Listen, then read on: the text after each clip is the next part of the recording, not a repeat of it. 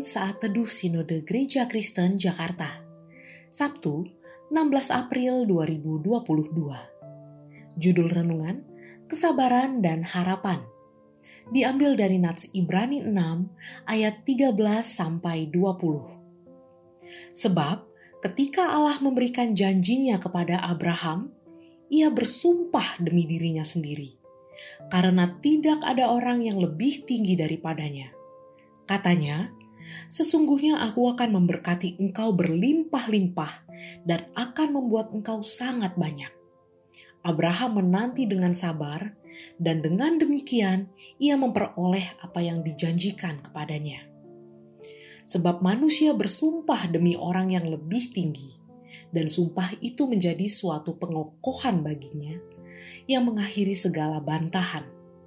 Karena itu, untuk lebih meyakinkan mereka yang berhak menerima janji itu akan kepastian putusannya, Allah telah mengikat dirinya dengan sumpah, supaya oleh dua kenyataan yang tidak berubah-ubah tentang mana Allah tidak mungkin berdusta, kita yang mencari perlindungan beroleh dorongan yang kuat untuk menjangkau pengharapan yang terletak di depan kita Pengharapan itu adalah sauh yang kuat dan aman bagi jiwa kita, yang telah dilabuhkan sampai ke belakang tabir, di mana Yesus telah masuk sebagai perintis bagi kita ketika ia, menurut peraturan Melkisedek, menjadi imam besar sampai selama-lamanya. Di daerah saya, di Nusa Tenggara Timur, khususnya di Kabupaten Timur Tengah Selatan, Musim hujan biasanya terjadi mulai dari bulan November sampai bulan April. Setiap musim hujan tiba, para petani disibukkan dengan pekerjaan mempersiapkan lahan agar siap ditanami dengan berbagai benih seperti padi, jagung, dan lain-lain. Para petani perlu tenaga ekstra untuk membersihkan kebun dan memerlukan biaya yang besar.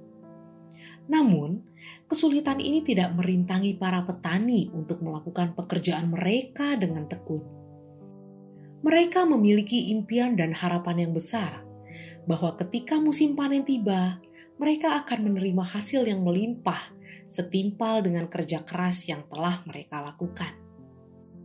Selama musim tanam, para petani menanti dengan penuh kesabaran mereka berharap kepada Tuhan bahwa apa yang mereka sudah lakukan pasti ada hasil yang melimpah. Penulis surat Ibrani mengambil figur Abraham sebagai contoh bahwa Abraham telah menerima janji-janji Allah.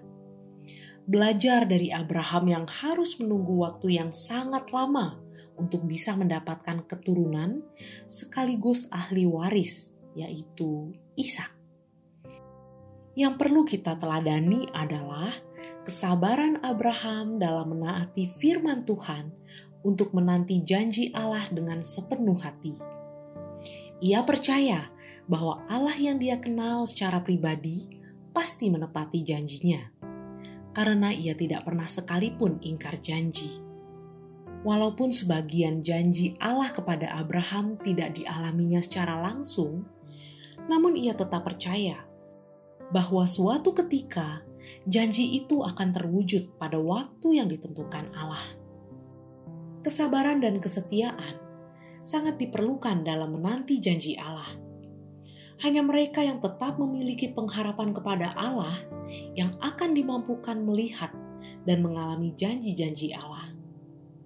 Pengharapan adalah sauh yang kuat dan aman bagi jiwa kita. Pengharapan kita bersumber kepada Yesus Kristus yang adalah imam besar kita sampai selama-lamanya. Biarlah setiap kita terus memiliki iman yang teguh kepada Tuhan, karena dalam Tuhan selalu ada harapan yang pasti. Kesabaran dan kesetiaan berjalan bersama Tuhan menunjukkan bahwa pengharapan itu ada dalam hati kita. Terpujilah nama Tuhan.